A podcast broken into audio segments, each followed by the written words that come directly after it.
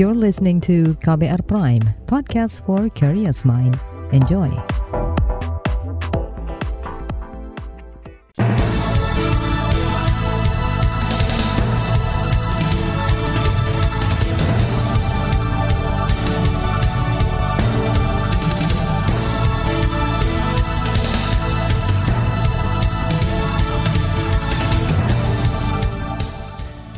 Selamat pagi saudara, senang sekali kami bisa menyapa Anda kembali melalui program Buletin Pagi untuk edisi hari ini Rabu 11 Mei 2022 bersama saya Agus Lukman.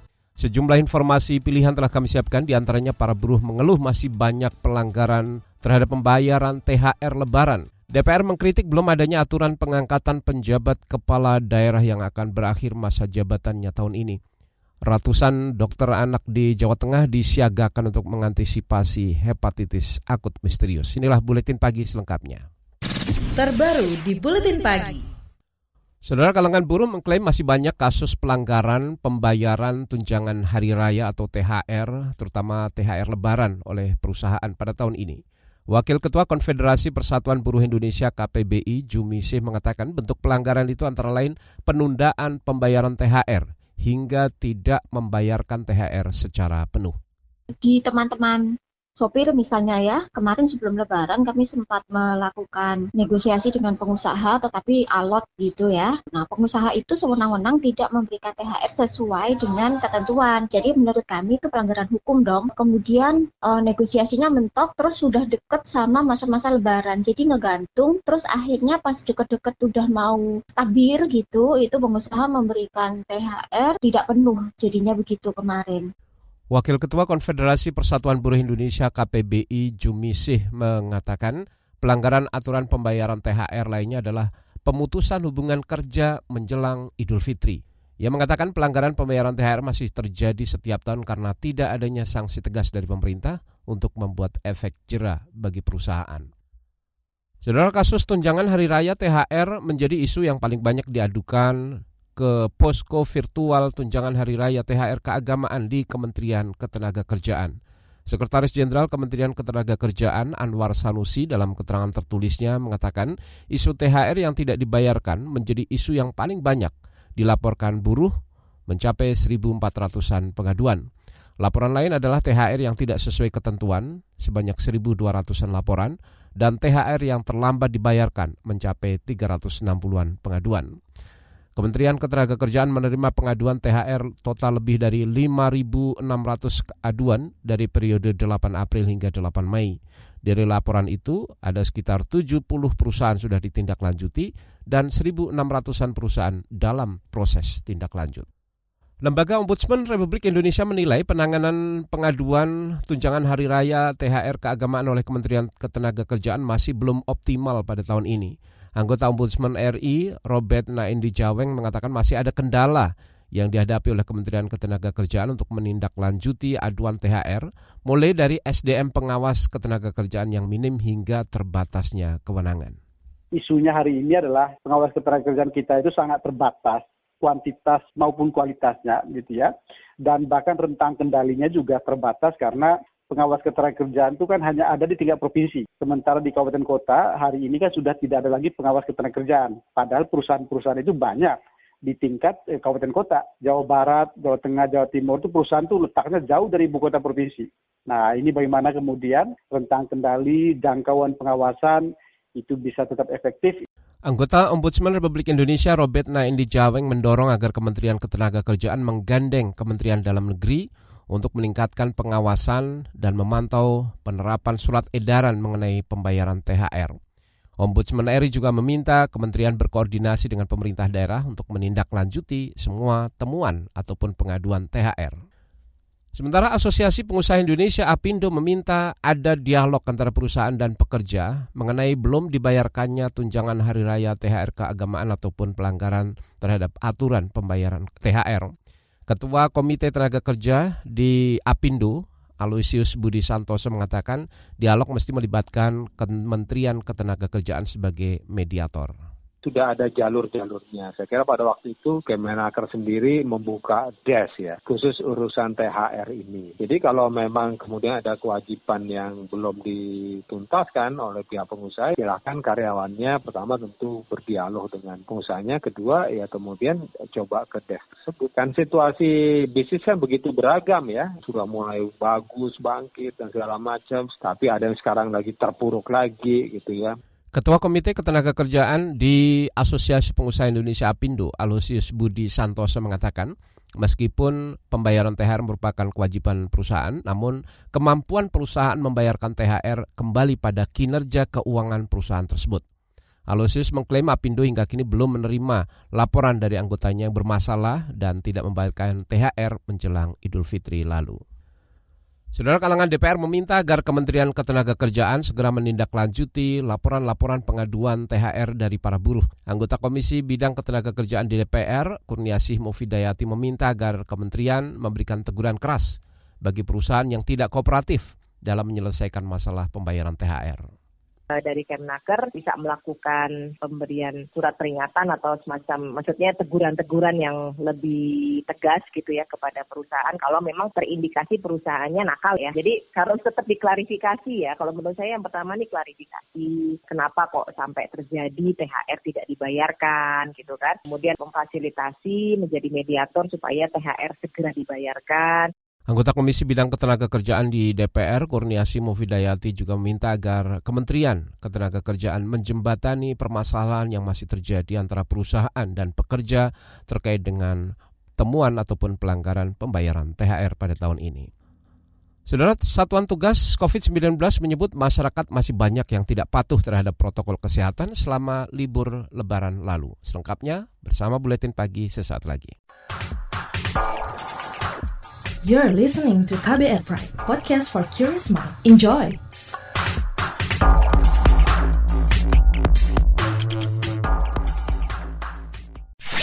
Commercial break.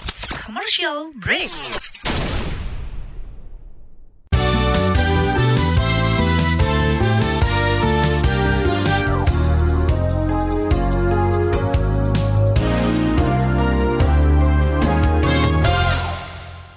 Saudara Presiden Joko Widodo menginginkan konferensi tingkat tinggi KTT khusus ASEAN dan Amerika Serikat bisa menghasilkan solusi untuk perdamaian dan stabilitas di kawasan Asia Tenggara. Salah satu masalah yang kini masih menjadi yang masih terjadi adalah konflik horizontal di Myanmar. Jokowi mengatakan hal itu menjelang keikutsertaannya dalam KTT khusus ASEAN dan Amerika Serikat di Washington yang akan dimulai hari ini. Indonesia saat ini memegang koordinator kemitraan ASEAN Amerika Serikat periode 2021-2024. Indonesia berharap KTT khusus ini akan menghasilkan kerjasama yang dapat berkontribusi bagi perdamaian, bagi stabilitas, dan bagi kemakmuran di kawasan. Saudara, pada konferensi tingkat tinggi KTT ASEAN tahun lalu, Presiden Joko Widodo sempat menyinggung konflik politik di Myanmar di bawah junta militer yang tidak kunjung selesai hingga kini. Konflik di Myanmar diwarnai perang saudara antara etnis lokal dan tentara pemerintah. Kita ke informasi lain, Saudara. DPR menyesalkan belum adanya aturan teknis dan pelaksanaan dari Kementerian Dalam Negeri mengenai penunjukan penjabat kepala daerah Anggota Komisi Bidang Pemerintahan Dalam Negeri di DPR, Mardani Alisera mengatakan pemerintah sudah diingatkan untuk mengikuti keputusan Mahkamah Konstitusi mengenai adanya aturan teknis pemilihan gubernur, bupati, dan wali kota untuk menggantikan pejabat kepala daerah yang akan habis masa jabatannya tahun ini tentu menyesalkan Kemendagri tidak responsif karena keputusan Mahkamah Konstitusi itu umurnya sudah hampir dua pekan. Kalau segera ditindaklanjuti dan itu sangat mungkin kalau punya political will, maka kita akan memiliki aturan ketatanegaraan yang baik bahwa keputusan lembaga tinggi negara diikuti oleh lembaga tinggi negara yang lain. Anggota Komisi Bidang Pemerintahan Dalam Negeri di DPR Mardani Alisera mengatakan masih ada waktu bagi Kementerian Dalam Negeri untuk segera menyelesaikan aturan baik dalam bentuk keputusan menteri ataupun peraturan menteri dalam negeri. Sebelumnya Saudara Mahkamah Konstitusi pada April lalu meminta pemerintah segera membuat petunjuk pelaksana mengenai pengisian kursi penjabat kepala daerah di masa transisi menjelang pemilu 2024. Ada lebih dari 100 kepala daerah di seluruh Indonesia yang akan habis masa jabatannya pada tahun ini. Kita ke informasi ekonomi, Saudara Kementerian Perindustrian mencatat pertumbuhan industri manufaktur atau industri pengolahan di triwulan pertama tahun ini berkontribusi paling besar pada pertumbuhan ekonomi nasional maupun produk domestik bruto. Menteri Perindustrian Agus Gumiwang Kartasasmita mengatakan industri manufaktur tumbuh sebesar 5,4 persen atau lebih tinggi dari pertumbuhan ekonomi nasional yang hanya 5,01 persen. Dan kontribusi industri manufaktur terhadap PDB pada triwulan pertama tahun 2022 ini 19,19 persen dan sekali lagi ini merupakan kontribusi tertinggi dibandingkan sektor-sektor perekonomian. 19,19 persen apakah cukup? Saya mentargetkan pada tahun 2030 kontribusi dari industri manufaktur terhadap PDB nasional sebesar 24 persen. Menteri Perindustrian Agus Gumiwang Kartasasmita mengatakan realisasi investasi di sektor manufaktur pada triwulan pertama tahun ini juga mencapai angka yang cukup tinggi, mencapai 103 triliun rupiah dengan indeks manufaktur Indonesia tercatat di atas 50 poin. Hal ini menunjukkan industri di Indonesia tengah menggeliat atau ekspansif. Kita ke informasi lain, Saudara. Satuan Tugas Percepatan Penanganan COVID-19 mencatat mobilitas masyarakat keluar rumah saat libur lebaran lalu meningkat hingga 44 persen lebih dibandingkan pada tahun lalu. Juru bicara Satgas Penanganan COVID-19 Wiku Adhisa Smito mengatakan meski berdampak positif pada perekonomian, namun tingginya mobilitas warga berpotensi meningkatkan kasus COVID-19. Perlu kita sadari, meningkatnya mobilitas juga dapat berdampak pada peningkatan kasus. Sehingga saya menghimbau kepada masyarakat untuk terus menerapkan protokol kesehatan seperti memakai masker, menjaga jarak yang relatif aman, dan mencuci tangan masih sangat diperlukan pasca lebaran ini untuk meminimalisir efek pingpong penularan COVID-19. Juru bicara Satgas Penanganan COVID-19 Wiku Adhisa Smito mengatakan mobilitas saat Idul Fitri tahun lalu terjadi sebesar 48 persen, sedangkan mobilitas Lebaran tahun sebelumnya hanya 3 persen. Satgas juga mencatat hampir 50 persen masyarakat tidak patuh memakai masker, terutama di restoran ataupun kedai makan. Sementara di area permukiman ada 20-an persen masyarakat yang tidak mematuhi protokol kesehatan. Kita ke informasi olahraga, saudara tim bulu tangkis Indonesia lolos ke perempat final turnamen Piala Uber setelah mengalahkan Jerman dengan kemenangan 5-0. Selain Indonesia, Jepang juga terga yang tergabung di grup A juga lolos ke babak perempat final Piala Uber.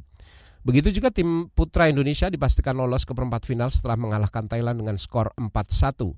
Selain Indonesia, Korea Selatan juga lolos ke perempat final.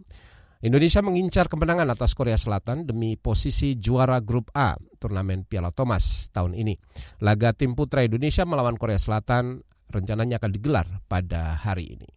Kita ke informasi SEA Games 2022, saudara tim sepak bola nasional Indonesia U23 meraih kemenangan 4-1 atas timnas Timor Leste di laga fase grup SEA Games 2022 Vietnam.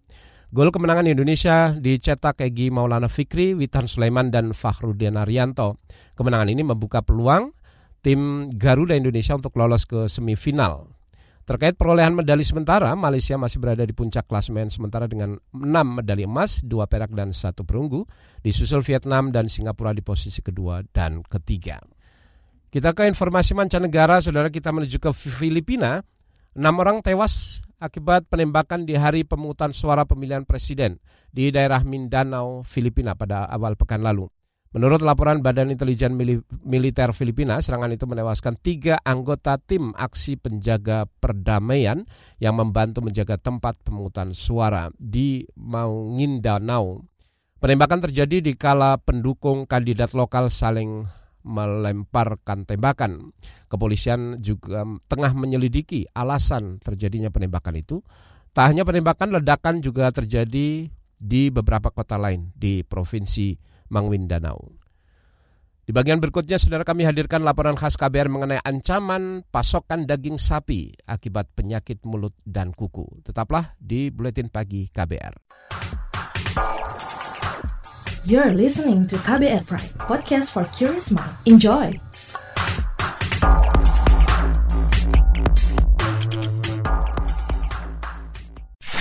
Commercial break. Commercial break.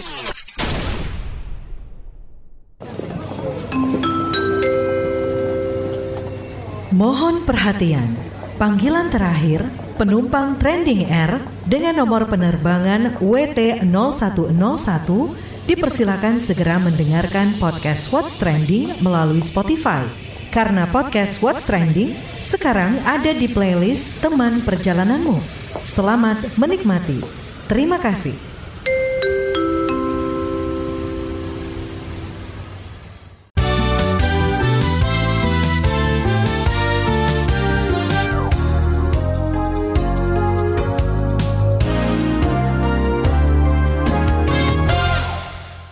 Anda masih bersama kami di Buletin Pagi KBR. Saudara, ribuan ekor ternak sapi di Jawa Timur terserang penyakit mulut dan kuku. Penyakit ini diklaim tidak menulari manusia, namun wabah ini membuat harga sapi di Jawa Timur melonjak. Lalu apa upaya pemerintah menangani penyakit yang sempat dinyatakan hilang dari Indonesia pada tahun 1986 lalu? Berikut laporan KBR yang disusun Heru Haitami. Hati-hati, kemarin kita sudah berbicara dengan menteri-menteri mengenai penyakit kuku dan mulut. Saya minta ini Menteri Pertanian segera dilakukan lockdown, zonasi lockdown di wilayah sehingga mutasi ternak dari satu tempat ke tempat yang lain atau pergerakan ternak dari kabupaten ke kabupaten apalagi provinsi ke provinsi betul-betul bisa dicegah. Itu tadi Presiden Joko Widodo saat memberikan arahan pada pembukaan sidang Kabinet Paripurna yang digelar di Istana Negara Jakarta kemarin. Jokowi memerintahkan seluruh jajarannya mengantisipasi penyebaran penyakit kuku dan mulut PMK yang menyerang hewan ternak sapi dan kerbau. Presiden memerintahkan proses distribusi hewan ternak dipantau ketat agar virus tidak meluas ke daerah lain. Dan ini selain tadi Kementerian Pertanian, saya juga minta Kapolri betul-betul menjaga ini di lapangan mengenai pergerakan ternak dari daerah-daerah yang sudah dinyatakan ada penyakit mulut dan kuku, bentuk satgas sehingga jelas siapa yang nanti bertanggung jawab. Menanggapi instruksi Presiden, Menteri Pertanian Syahrul Yassin Limpo mengaku bakal melakukan sejumlah strategi untuk menekan penularan PMK. Kata dia, Pusat Veteriner Farma, Pusvetma di Surabaya, tengah meneliti untuk memastikan tingkat dan jenis serotype atau varian dari PMK ini. Prestasinya insya Allah ini hari atau besok akan keluar.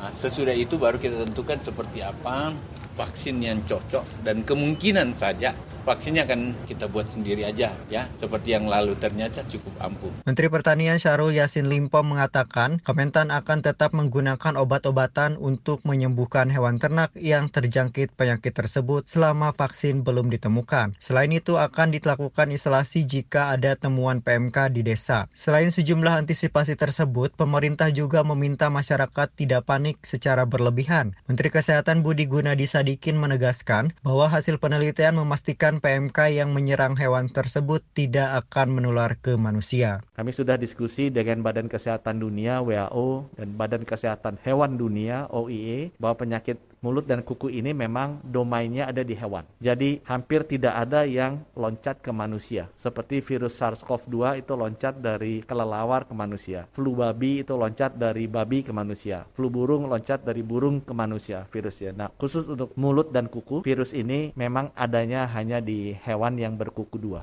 Jadi sangat jarang yang meloncat ke manusia, jadi tidak perlu khawatir dari sisi kesehatan manusianya. Meski tak menulari manusia, wabah ini berdampak pada kenaikan harga sapi potong di beberapa wilayah di Jawa Timur. Salah satu pedagang sapi potong di Banyuwangi, Usman Afandi menyebut kenaikan terjadi lantaran distribusi sapi dari luar kota dihentikan akibat merebaknya PMK. Akibatnya pasokan kebutuhan daging sapi hanya dipasok dari Banyuwangi. Virus PMK itu kan mempengaruhi dari uh, pasokan jumlah sapi.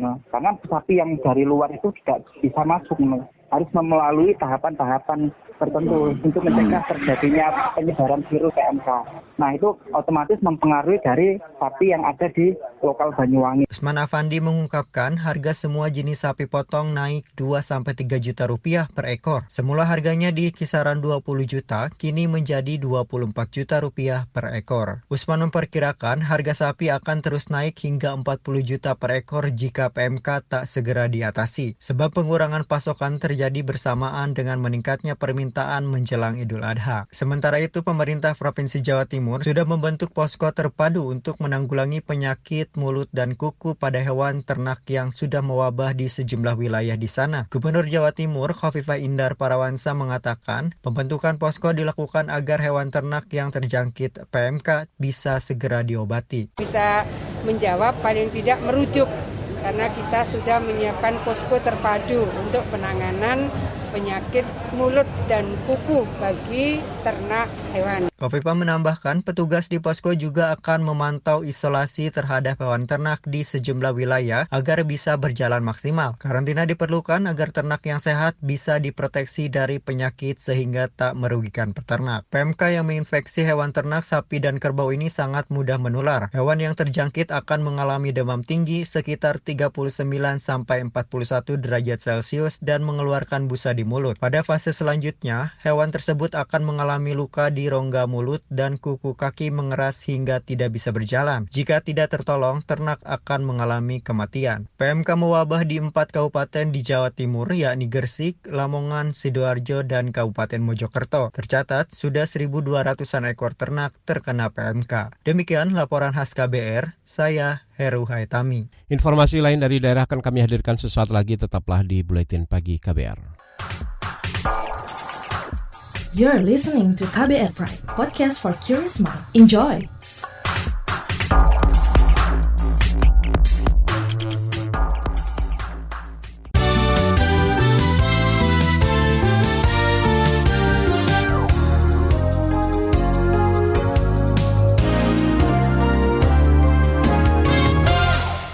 Inilah bagian akhir buletin pagi KBR. Saudara Wakil Presiden Maruf Amin optimistis sektor wisata di Bali akan segera pulih usai pandemi COVID-19. Ia berharap pelaku UMKM di Bali dapat memetik keuntungan dari peningkatan kunjungan wisata ke pulau tersebut. Ya, oleh karena itu memang wisatawan tidak perlu khawatir untuk datang ke Bali. Boosternya 68 persen, jadi hampir sudah hampir, hampir 70 persen sudah di booster. Jadi ini, ini menunjukkan bahwa uh, Bali sudah pulih sebenarnya itu. Karena itu wisatawan mancanegara Wakil Presiden Maruf Amin memerintahkan para jajarannya terus menggencarkan promosi pariwisata di Bali karena sebagian besar kehidupan masyarakat di Bali sangat bergantung dari sektor wisata. Saat ini destinasi wisata di Bali baru tumbuh sekitar 20 persen dari normal. Kita ke Papua, saudara. Kepolisian membubarkan paksa ratusan orang pengunjuk rasa di kota Jayapura, Papua kemarin. Kapolres kota Jayapura, Gustaf Urbinas, mengatakan unjuk rasa menolak pemekaran Provinsi Papua ini tidak sesuai prosedur. Surat pemberitahuan disampaikan, tidak ada koordinasi teknis, bahkan hanya menitip surat kepada orang yang tidak dikenali. Ya, bahkan polisi panggil pun orang tersebut lari. Undang-undang tidak mengatur seperti itu, karena harus diantar sendiri dan dikoordinasikan terkait dengan bentuk daripada aksi seperti apa. Itu tadi saudara Kapolres Kota Jayapura Gustaf Urbinas. Aksi menolak rencana pemekaran Provinsi Papua digelar serentak di berbagai daerah di Papua, Papua Barat, dan beberapa kota lain di Indonesia. Namun di Jayapura, polisi membubarkan masa yang akan menyampaikan aspirasi mereka ke kantor DPRD Papua menggunakan tembakan gas air mata dan semprotan air dari kendaraan water cannon.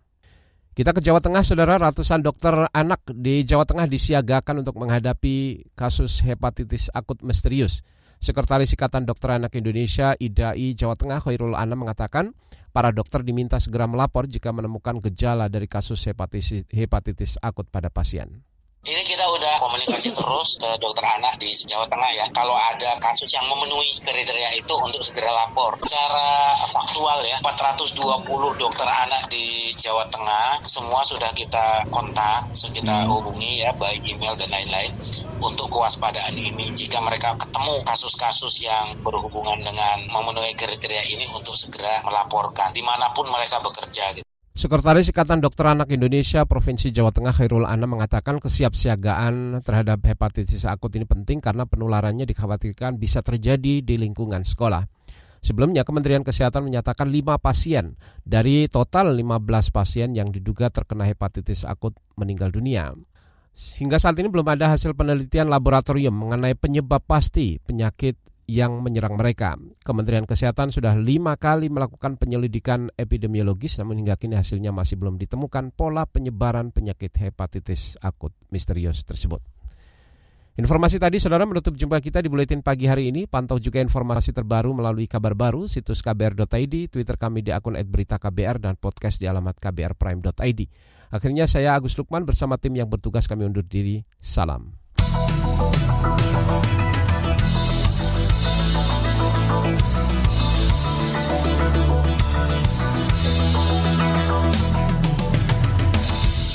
KBR Prime, cara asik mendengar berita.